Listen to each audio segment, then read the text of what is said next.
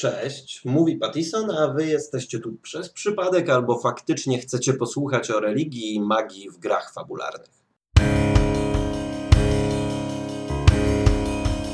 Współcześnie twórcy szeroko pojętej fantastyki, która dominuje świat gier fabularnych, znają się na wielu cudownych rzeczach. Nie znają się za to z reguły na ludziach, a już kompletnie zazwyczaj nie znają się na kulturze, mistycyzmie i religii, o których tak kochają się rozpisywać.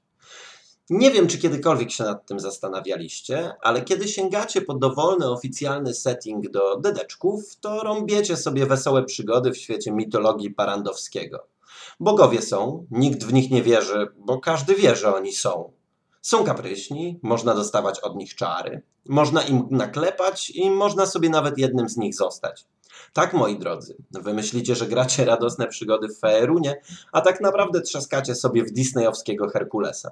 W ogóle w konwencji heroicznej strefa sakrum jest po prostu brutalnie wykarczowana z życia bohaterów. Bo gdzie tu miejsce na niezwykłość, skoro ilekroć padniecie na kolanka, to spłynie na was błogosławieństwo jak deszcz w jesienny wieczór.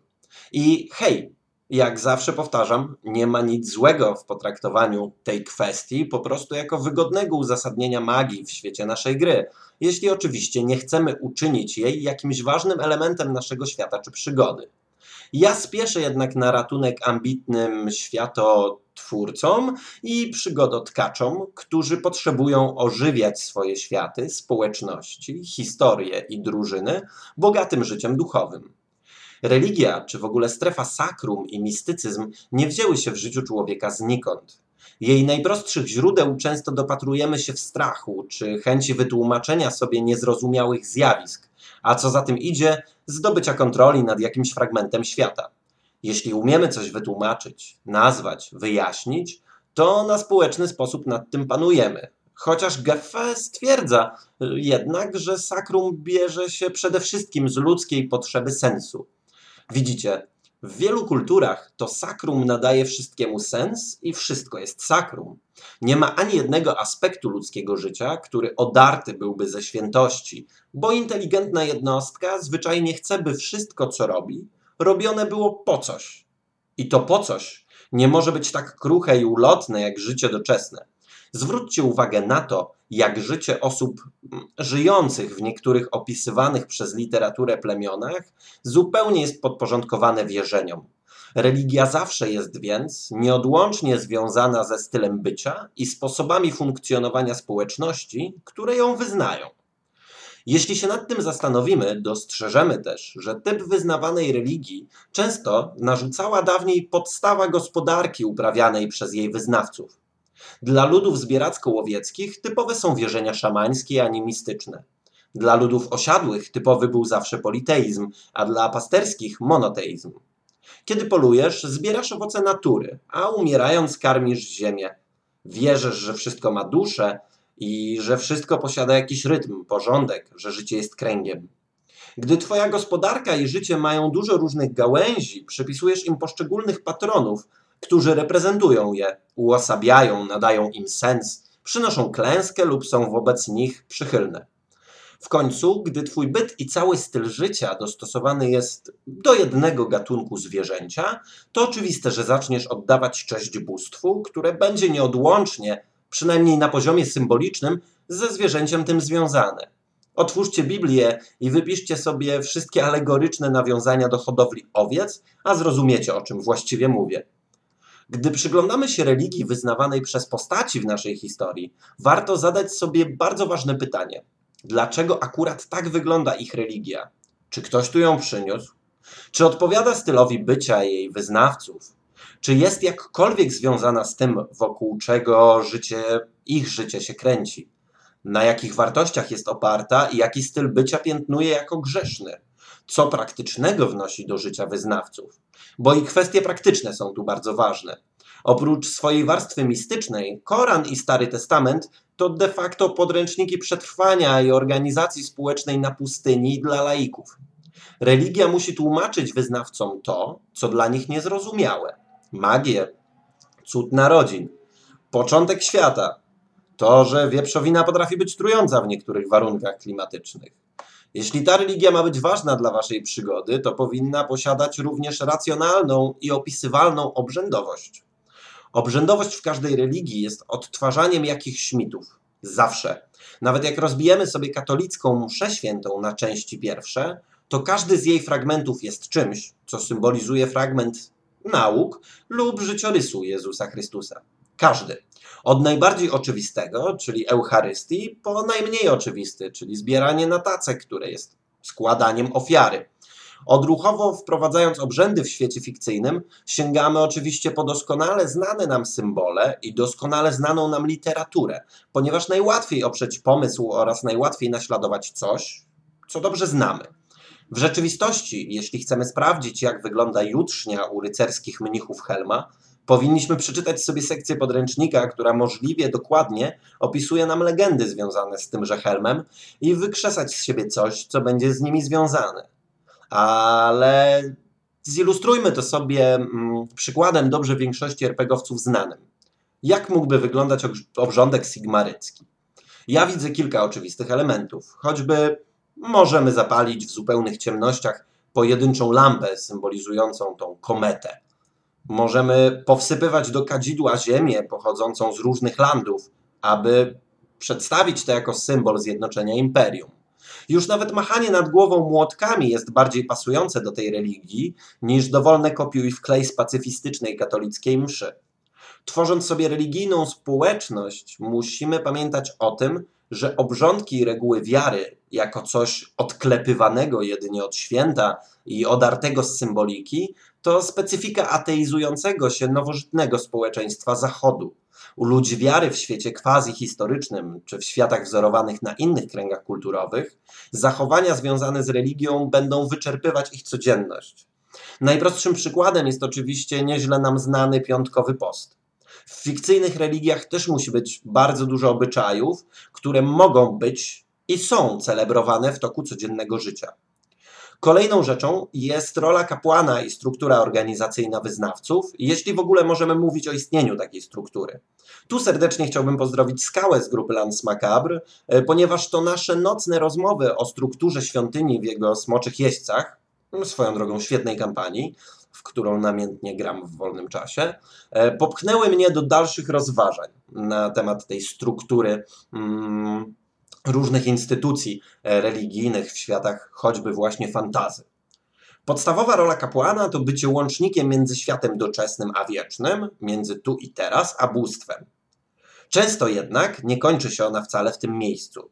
Musimy rozważyć też, na ile religia jest powiązana z państwem i władzą, Wiedzeni kolejnym przyzwyczajeniem wynikającym z historii naszego kręgu kulturowego, mamy tendencję do wyobrażania sobie religijnych struktur jako mocno upolitycznionych i istotnych dla władzy.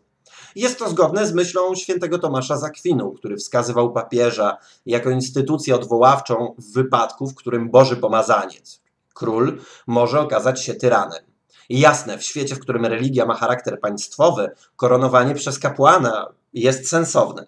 Nie w każdym jednak wypadku źródłem władzy musi być Bóg czy bogowie.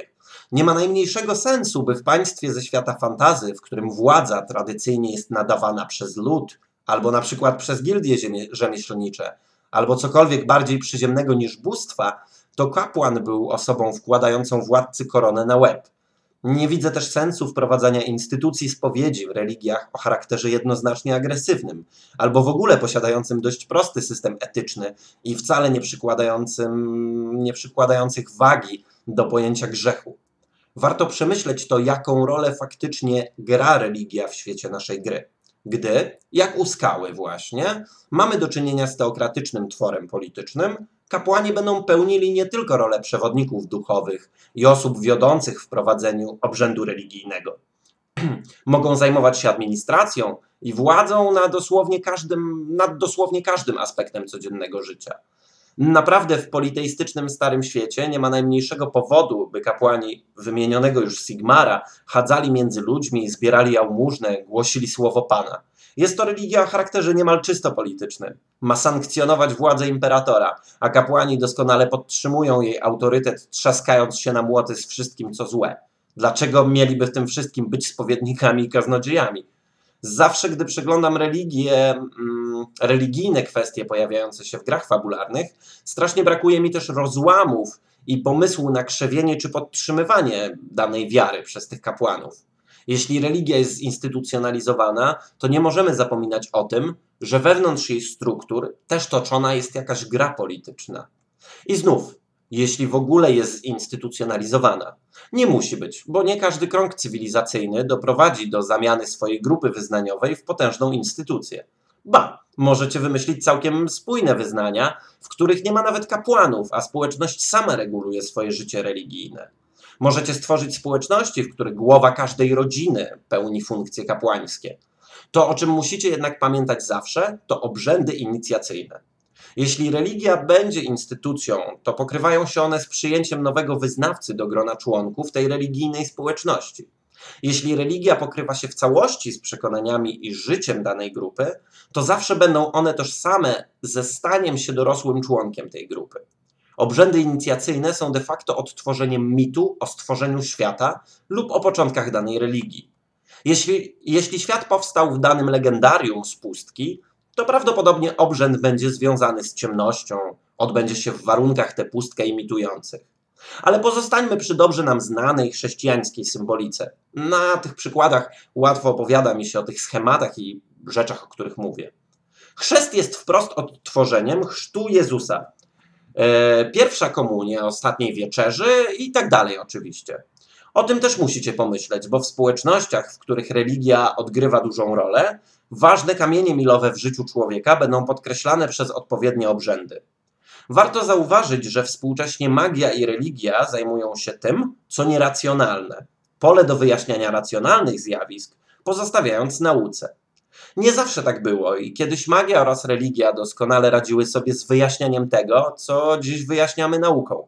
Warto zastanowić się nad poziomem wiedzy istot wypełniających naszą opowieść i odpowiedzieć sobie na pytanie, jak duży element rzeczywistości tłumaczą religia i magia. Jak bardzo mają ci ludzie rozwinięte myślenie naukowe. Dla przykładu, Torobriantczycy jeszcze 100 lat temu zupełnie nie wiązali kontaktu intymnego z rozmnażaniem się, a funkcja ojca biologicznego nie istnieje w ich kulturze do dzisiaj. Z mojej strony mogę Was zapewnić, że przemyślenie tych kwestii da na pewno dużo frajdy w budowaniu przygód o mocno rozbudowanym tle duchowym. Magia kulturowo jest z kolei związana z religią, posiada podobny rodowód i wiara w nią jest podobnie motywowana. Tworząc fabuły dość intuicyjnie, dzielimy magię na dobrą i złą. Często zapominamy jednak, że nie licząc konwencji, w której czarownicy są prześladowani, to zawsze będą cieszyli się oni społeczną estymą i zawsze będą wzbudzali strach. Mag jest kimś potężnym. Jest kimś, kogo boi się wódz, kimś, kogo boi się król. Widziałem wiele fantastycznych konwencji, gdzie magowie przez swoje fizyczne słabostki są pogardzani przez tych silnych ciałem, ale hej, mówimy o konwencjach, w których ludzie nie rozumieją magów, nie rozumieją, nie mają nauki, a co za tym idzie, boją się ich, bo boimy się tego, czego nie potrafimy sobie w prosty sposób wytłumaczyć. Jeśli porównamy świat fantazy do ogólniaka, to Mak nie jest wcale nerdem, którego nikt nie lubi. Mak jest tym dziwnym dzieciakiem, który w akcie zemsty za pobicie podrzuci ci do plecaka martwego szczura, będzie cię śledził, a jak zaśniesz na wycieczce, to nasra do buta albo potnie ukochane spodnie żyletką. Nie chcesz do niego podskakiwać, bo stać go na rzeczy, które wykraczają poza świat twoich wyobrażeń.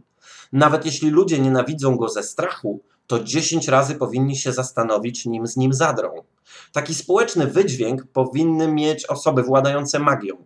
Ci dobrzy będą wzbudzać szacunek, ci źli będą przerażać nawet najbardziej mężnych. Społeczna rola maga i kapłana musi być dobrze przemyślana, bo złapać za miecz może każdy, ale rozmawiać z bóstwami i władać siłami niezrozumiałymi dla wszystkich, no, do tego trzeba być po prostu urodzonym. To nie jest wróżbita Maciej z nocnej ramówki w telewizorze. Ciekawiej może wypadać magia oczywiście właśnie we współczesnych konwencjach, nawiązując do Macieja, gdzie przeciwstawiamy jej społeczny sceptycyzm. Weźmy sobie rasistę z Providence. W jego opowieściach każdy boi się człowieka oskarżanego o czary. Po przodka Charlesa Dextera Warda w moim ukochanym opowiadaniu idzie armia chłopa z bronią palną, bo nie ma takiego, co by się nie bał w pojedynkę. Gdy sceptycyzm przegrywa ze strachem przed nieznanym, to nie wywołuje już naboże- nabożenego lęku, a zwierzęce przerażenie, którym Howard Philip Lovecraft potrafił dobrze grać w swojej prozie. Ktoś, kto włada takimi rzeczami, nie powinien być mobem do dojechania w turę, bo jest potężniejszy niż większość populacji. Do tego przez swoją specyficzną rolę jest też bardziej inteligentny. Zwróćmy uwagę na klasyka, Tolkiena. Ludzie nie byli pewni skąd się wzięli Istari, a mimo wszystko, mimo że nie byli oni na pierwszy rzut oka tak potężni jak choćby Sauron, to bali się ich i otaczali szacunkiem. W takim Warhammerze nawet guślarz powinien budzić lęk, że o szkolonym uczniu czarodzieja nie wspomnę.